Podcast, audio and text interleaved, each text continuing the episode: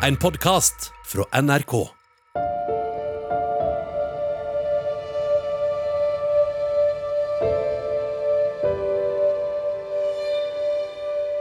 On my orders, the United States military has begun strikes against Al Qaeda terrorist training camps and military installations of the Taliban regime in Afghanistan.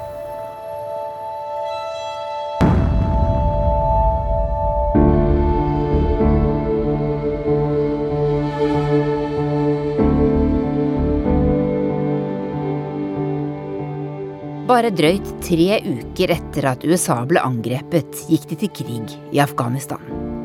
Målet var å finne og straffe dem som hadde planlagt terrorangrepene 11.9.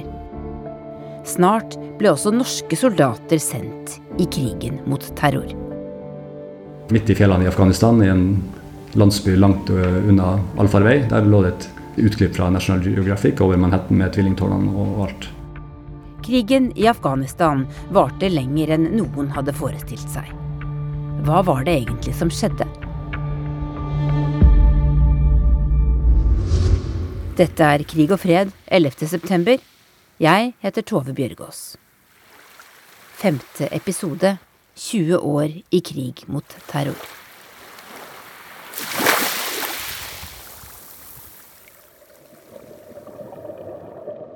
Nede i vannet ved øya Vealøs utenfor Horten trener en gruppe norske spesialsoldater 11.9.2001.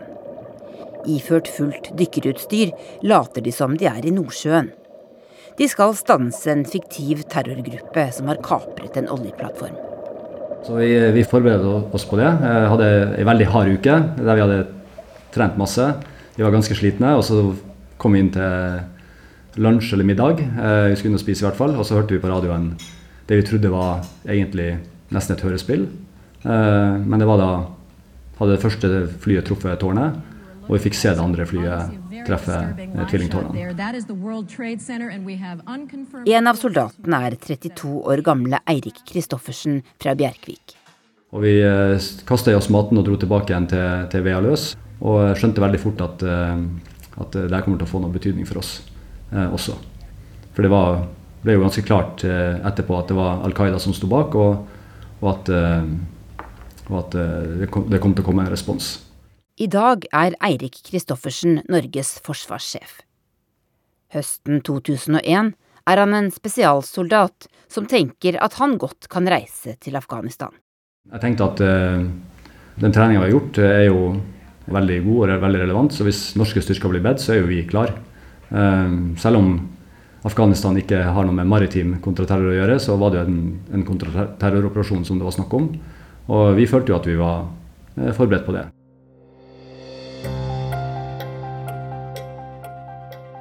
The search is underway for those who are behind these evil acts.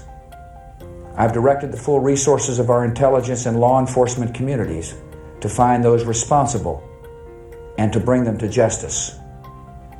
We will make no distinction between the terrorists who committed these acts and those who harbor them. Allerede om kvelden 11. september er USA sikre på hvem det er som har planlagt terrorangrepet. President Bush sier USA vil jakte på både terroristene og de som har beskyttet dem. De han snakker om, er den saudiarabiske islamistlederen Osama bin Laden, som leder Al Qaida-nettverket. Og det islamistiske Taliban-regimet som styrer Afghanistan. De har latt Al Qaidas fremmedkrigere holde til i landet. Søkkrike Osama bin Laden har helt siden 1997 oppfordret muslimer til hellig krig mot USA. Al Qaida har de siste årene gjennomført terrorangrep mot to amerikanske ambassader i Afrika og et marinefartøy i Jemen. Men amerikansk etterretning klarte ikke å oppdage den virkelig store terrorplanen til Al Qaida før det var for sent. Den planen ble til i treningsleire i Afghanistan. Uten at Taliban-regimet helt skjønte hva terroristene planla. Our war on terror begins with Al Qaeda, but it does not end there. 20.9 erklærer president Bush at han starter en krig mot terror, og at den begynner i Afghanistan. And tonight, the United States of America makes the following demands on the Taliban deliver to United States authorities all the leaders of Al Qaeda who hide in your land.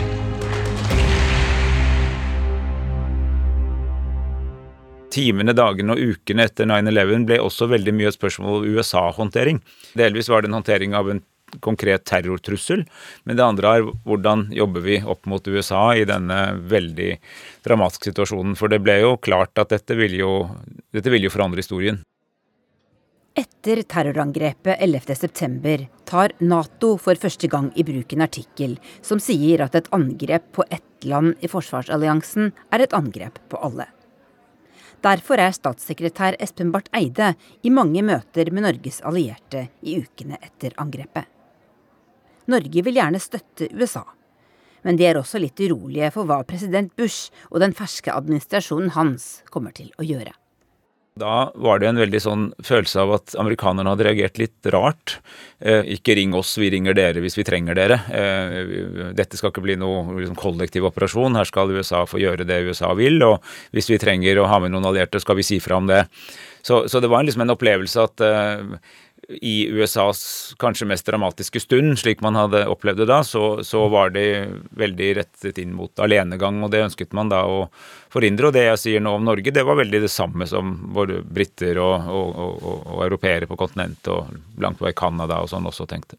Hva som nå enn skjer, la oss prøve å ramme det inn i en multilateral ramme, og la oss gjøre det også både med, liksom, i FN og Sikkerhetsrådet og i, i Nato.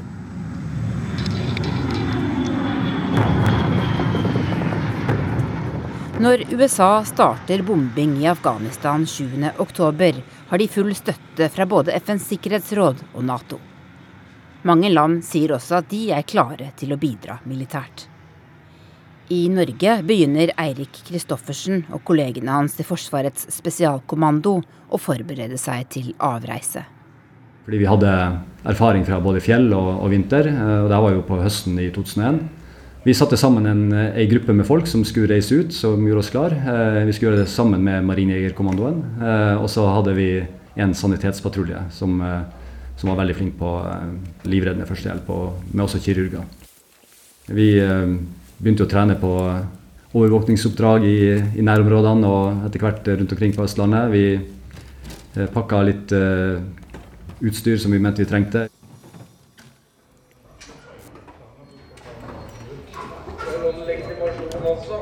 Ja. Vi får, ta det her, da. Det går kanskje bra. Også et annet sted i Norge starter forberedelsene til å sende soldater til Afghanistan. Forsvarets etterretningstjeneste vet mer enn de fleste. Men de kan ikke si stort offentlig om det de vet. Hvor dere er, ja. ja dere er på eh, Etterretningstjenestens hovedkvarter på Lutvann. Men assisterende etterretningsdirektør Tom Rykken kan i alle fall fortelle hva E-tjenesten ikke visste høsten 2001. Hvor evne til å følge individer og terrorister på det tidspunktet var ganske begrenset. Og man må altså, få tilgang til informasjon som er relevant. Og når du snakker om eh, individer, så er jo det i økende grad krevende. Også fordi disse individene forsøker å skjule seg, både fysisk og, og, også da i forhold til sin egen kommunikasjon. Eh, så det betyr at vi må, som utenlandsetterretningstjeneste, for det er jo det vi er, eh, må vi kanskje begynne å arbeide på en eh, måte som har ligget nærmere det ofte politiet gjør for å avdekke kriminelle og kriminelle handlinger. Vi lever av det informasjon, og da må vi være der hvor informasjonen er tilgjengelig. Det er grunnleggende ved vår virksomhet. Så vi eh, måtte jo arbeide eh, for å skaffe oss informasjon. Eh, da må vi f.eks. reise til Afghanistan eh, for å gjøre oss kjent eh, i forkant av det som jo kom, nemlig deployering av norske styrker. Eh, så det gjorde vi. Hadde dere litt dårlig tid? Vi har jo aldri god tid, er mitt inntrykk, når sånne ting skjer. Men vi må jo bruke den tiden vi får på best mulig måte. Eh, det syns jeg egentlig vi eh, klarte. I begynnelsen av januar 2002 drar de første patruljene med norske spesialsoldater av gårde til Afghanistan. Vi lasta om bord på gamle sovjetiske fly, egentlig. Eh, IL-76, som nå var ukrainske flygere. Eh, vi satt i lasterommet med kjøretøyene, våpen, ammunisjon. Alt var klart.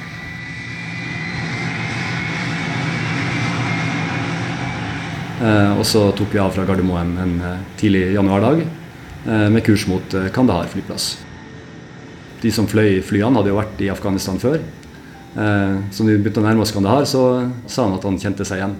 Eh, og eh, kunne innflyginga til Kandahar veldig godt. Vi eh, tok en veldig rask nedstigning mot Kandahar, nesten rett ned fordi vi frykta eh, lufttrusselen. Eh, og så landa vi helt greit på, på Kandahar flyplass.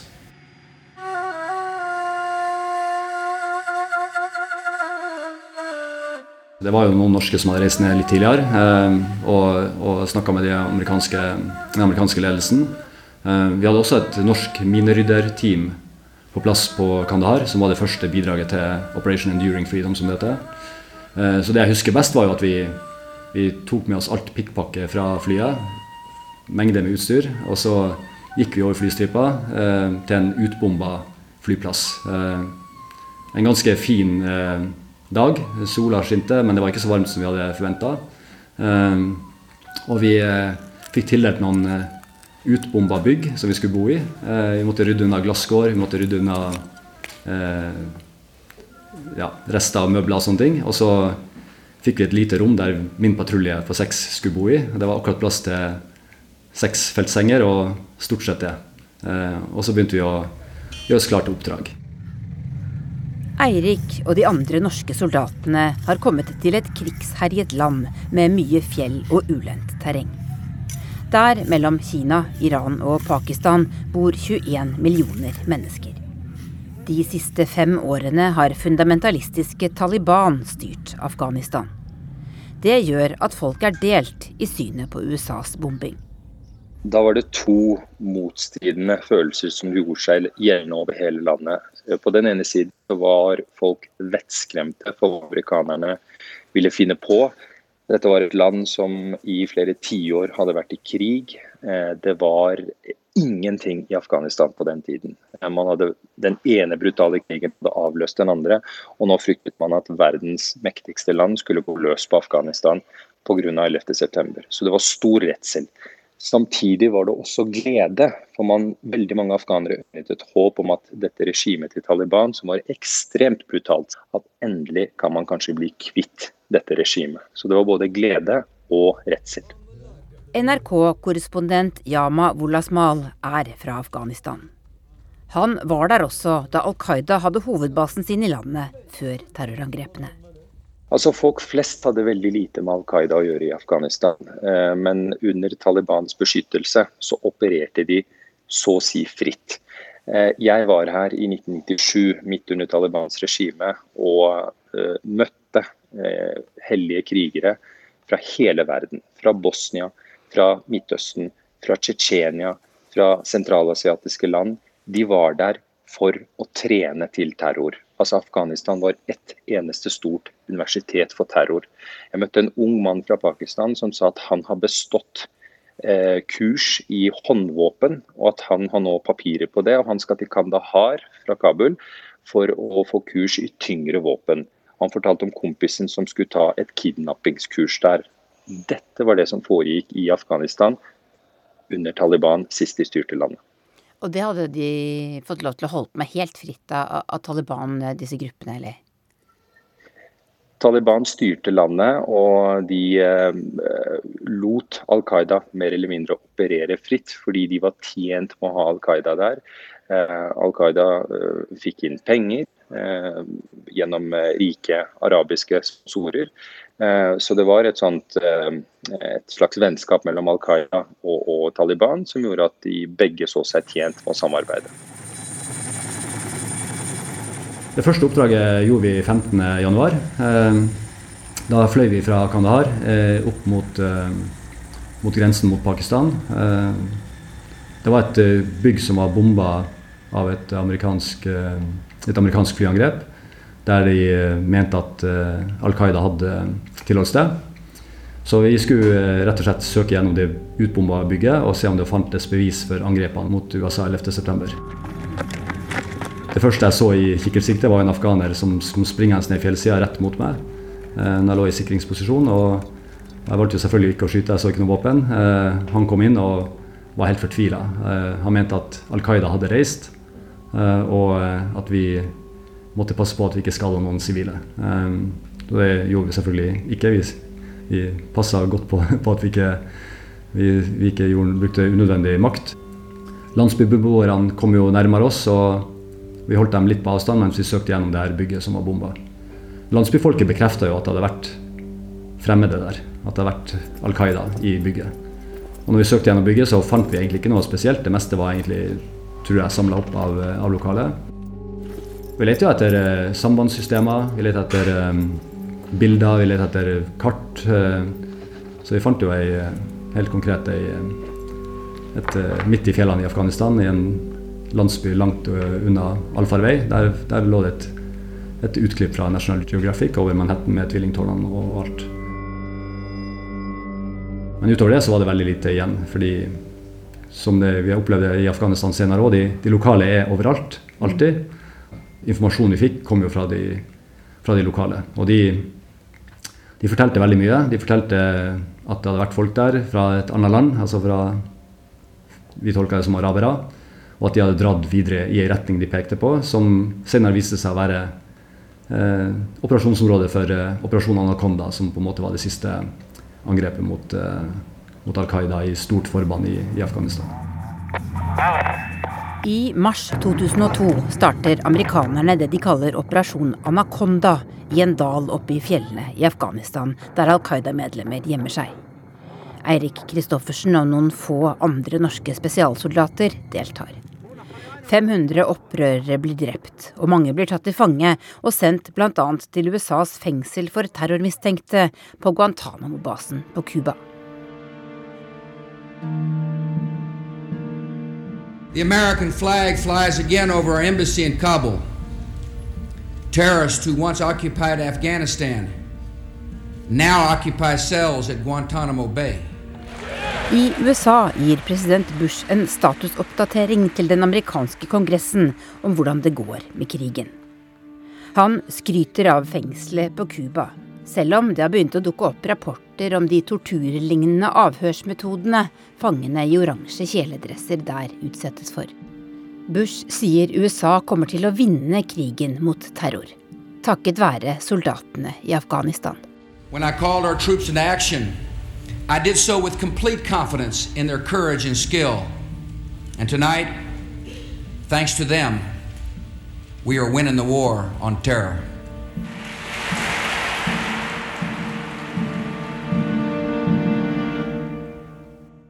Det er klart, det var jo en felles operasjon, så Norge kunne ikke unndra seg liksom, vanskelige oppgaver. Og Guantánamo eh, var jo vi veldig kritiske til. Eh, pga. behandlingen av fangene der. Og det tok jeg opp eh, med George eh, W. Bush også. At vi var kritiske til det vi fikk høre av rapporter om fangebehandlingen på Guantánamo. I Norge har Kjell Magne Bondevik fra Kristelig Folkeparti blitt statsminister, og fått ansvaret for Norges videre bidrag i krigen. Det blir stadig større. Nå i formiddag gikk fire norske jagerfly på vingene for å delta i krigen i Afghanistan. Presis klokken 11.15 lette tre av F-16 jagerflyene som skal delta i terrorkrigen, fra både hovedflystasjon Det vi etter hvert bidro med, var jo luftstyrka. luftstyrker. Uh, og, og, Norge sendte jo fly ned. De var sjøl med til og med å vinke noen slike av gårde. Eh, og de hadde jo base i Kirgisistan, eh, et naboland. Eh, og så Senere bidro vi også til opplæring av politi. Kompetansebygging for politiet, som jo var veldig viktig for å holde mest mulig ro og orden. Og etter hvert også til sikkerhet og sikkerhetsstyrker og andre sikkerhetstiltak i Afghanistan. Det var de tre hovedområdene Syns du det var vanskelig? Det er alltid vanskelig. Det er noe av det tyngste for en politisk leder å være med og først beslutte at en skal gå inn i en krig, eh, og for det annet avveininger en skal ta underveis. Hvor mange skal vi sende ut? Har jo etter hvert blitt faktisk eh, noen tusen. Og, og, det aller vanskeligste er jo å se i øynene at det vil kunne koste norske liv. Og det gjorde det jo. Eh, det kom jo tilbake noen kister, dessverre. Og jeg var med og tok imot noen av de på, på Gardermoen som et uttrykk for regjeringas solidaritet med pårørende, etterlatte, familiene. Vi hadde jo selvsagt kunnet håpet om at ikke norske liv ville gå tapt, men det var jo urealistisk. Det var jo godt liv fra andre land, Nato-land tidligere, og det var bare et tidsspørsmål før vi ville få beskjed om den første norske.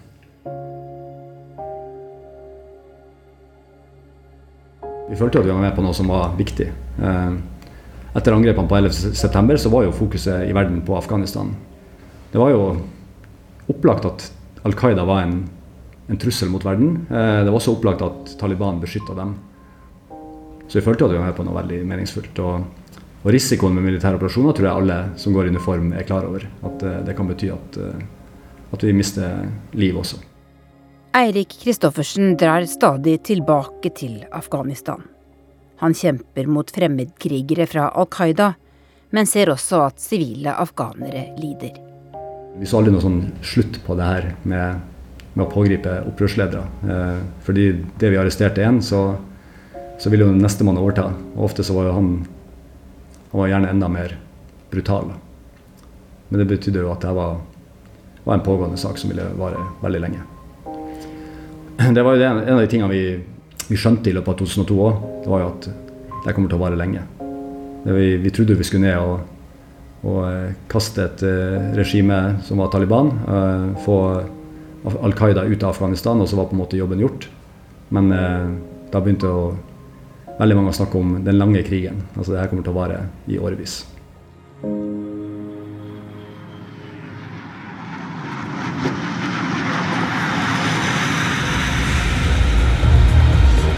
Afternoon. I'm John Sopel in Kuwait City. You're watching a BBC News special. The headlines. The attack on Iraq has begun. Vinteren 2003 bestemmer USA seg for å invadere Irak også. Det får raskt konsekvenser på bakken i Afghanistan. Når jeg ser tilbake igjen på Afghanistan og, og, det som skjedde i Irak i 2003, så mener jeg at det, et av de store feilgrepene var Irak. Ehm, det at, det at, vi i 2002 hadde veldig mye ressurser i Afghanistan, eh, det bildet var ikke det samme da jeg kom tilbake i 2003.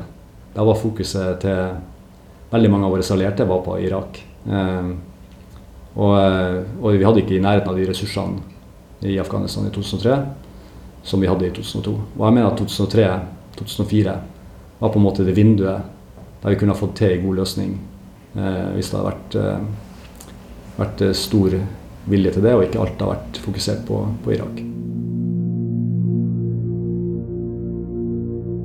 Først i 2011, ti år etter at krigen i Afghanistan startet, finner amerikanske styrker hovedmannen bak terrorangrepet 11.9. Al Qaidas leder Osama bin Laden. Han gjemmer seg i en by i Pakistan og blir drept i en skuddveksling.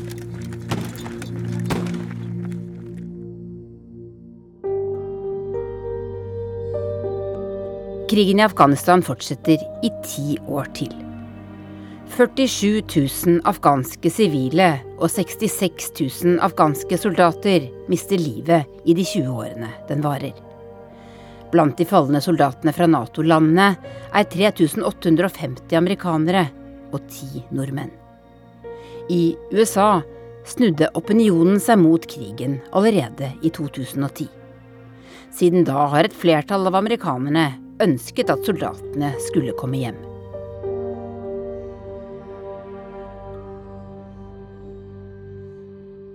The United States ended 20 years of war in Afghanistan the longest war in American history. USA og de andre landene trakk soldatene sine ut like før 20-årsdagen for terrorangrepene 11.9. Da var Taliban tilbake ved makta. slik de var da krigen begynte for 20 år siden. Det er få utlendinger i Afghanistan nå. Men en av dem som er der, er min kollega Yama Wolasmal. Hadde amerikanerne ikke gått for å hevne seg, hadde de bare strukket ut en hånd sammen med det afghanske regimet som de hadde satt inn, til Taliban og sagt kom, dere skal få ta del i denne prosessen, dere skal være en del av Afghanistan. Og hadde man ikke sett den situasjonen vi har havnet i i dag. Jeg har snakket med flere som jo sier at Taliban ønsket jo ikke at 11.9 skulle skje. Det gjorde de ikke, ikke sant? Nei. Taliban har ikke hatt noen interesse for å utføre terror utenfor eh, Afghanistans grenser. Men det var dette samarbeidet med Al Qaida. Eh, de, de ga rom til Al Qaida, og Al Qaida opererte relativt fritt uten at de tok hensyn til hva Taliban ønsket. På vegne av det afghanske folket så er jeg jo skuffa over at situasjonen er som den er, fordi de hadde håp om ei bedre fremtid enn det som, som er realiteten akkurat i dag. Det er blitt noen år siden forsvarssjef Eirik Kristoffersen var soldat i Afghanistan. Men han kjenner landet godt, og er usikker på om Taliban vil klare å regjere. Det er jo den store utfordringa Taliban har. Altså de, det å drive en, en opprørskrig eh, var de jo gode på. Eh, det å styre et land har de ikke vist at de er særlig gode på så langt. Og de har heller ikke noe erfaring eh, med å drive et land eh, etter de standardene som vi forventer. Så de har jo opplagt en utfordring, og, og spesielt eh, det at Taliban er så fragmentert som det egentlig er, med lokale krigsherrer og kan du si det mer tradisjonelle Taliban i sør, så, så har de en kjempeutfordring også internt i Taliban med å, med å faktisk få folk til å gjøre det de sier at de skal gjøre. Problemet til Taliban i dag nå er at de sier de rette tingene, altså den politiske ledelsen sier de rette tingene, men fotsoldatene gjør ofte det motsatte. Så akkurat nå, det jeg ser på bakken, største problemet til Taliban, og det innrømmer ledelsen, er at de har ikke kontroll på fotsoldatene sine. Dette er en generasjon med krigere som i 20 år har blitt opplært til én ting, å drepe. Og nå er de i en storby som Kabul og skal prøve å, å, å styre denne byen det sier seg selv. Det kommer til å bli vold, det kommer til å bli sterke scener, det kommer til å bli vold mot kvinner, det kommer til å være undertrykkelse. Og ledelsen har veldig lite du skulle ha sagt, for fotsoldatene akkurat nå gjør som de vil. Dette er unge menn mellom 20 og 30 år, dvs. Si at de har vokst opp i denne krigen. De har ikke sett en fredelig hverdag. De var et produkt av den 20 år lange krigen. Og de sier at vi akter ikke å gi fra oss dette vi har kjempet oss til vi har kastet ut utlendingene som invaderte Afghanistan, og vi er ikke interessert i å inngå kompromiss. Altså både, både ISKP, som det heter, altså islamske staten i Afghanistan, eh, er jo, er jo fortsatt til stede. og Det samme er, det jo, er jo også Al Qaida i området. Så, så de vil jo utnytte ethvert sånn, eh, et hvert sånn mulighetsrom som kaos gir, til å etablere seg på nytt. Eh, så igjen så gjenstår det at Taliban faktisk gjør det de har sagt de skal gjøre, nemlig å, å bekjempe internasjonale terror, terrorgrupper i Afghanistan og ikke la dem få fotfeste på nytt igjen. 11.9 eh, var jo på mange måter en tragedie også for Taliban. Eh, de mista jo makta den gangen, og, og de har jo sett sjøl hva, hva, internasjonale terrorgrupper kan, kan, gjøre for å ødelegge sitt eget land. Så, så det er ikke i Taliban-ledelsens interesse å, å, ha de gruppene i landet, men det er jo et, en mulighet for, å, for at det reetableres terrorgrupper i, i Afghanistan. Det er det jo. Tom Rykken hadde jobbet i Etterretningstjenesten i nesten 40 år da han gikk av med pensjon i sommer. Halvparten av disse årene har han brukt på krigen mot terror i Afghanistan. Det har jo vært en, en kostbar affære for verdenssamfunnet, disse angrepene den 11. Eh, september. Hvor mye større har den norske etterretningstjenesten blitt på denne tida? Eh, I løpet av de 20 årene så, så har den jo vokst eh, og blitt eh, i hvert fall dobbelt så stor. Dette er svært krevende militære operasjoner. En vanskelig tanke. Tenke på at vi har brukt så mye ressurser på dette her. Det blir meg som person da, som, som sier dette. Ja, jeg syns det er eh, trist. Har det vært bortkasta? Det tror jeg ikke jeg skal uttale meg om.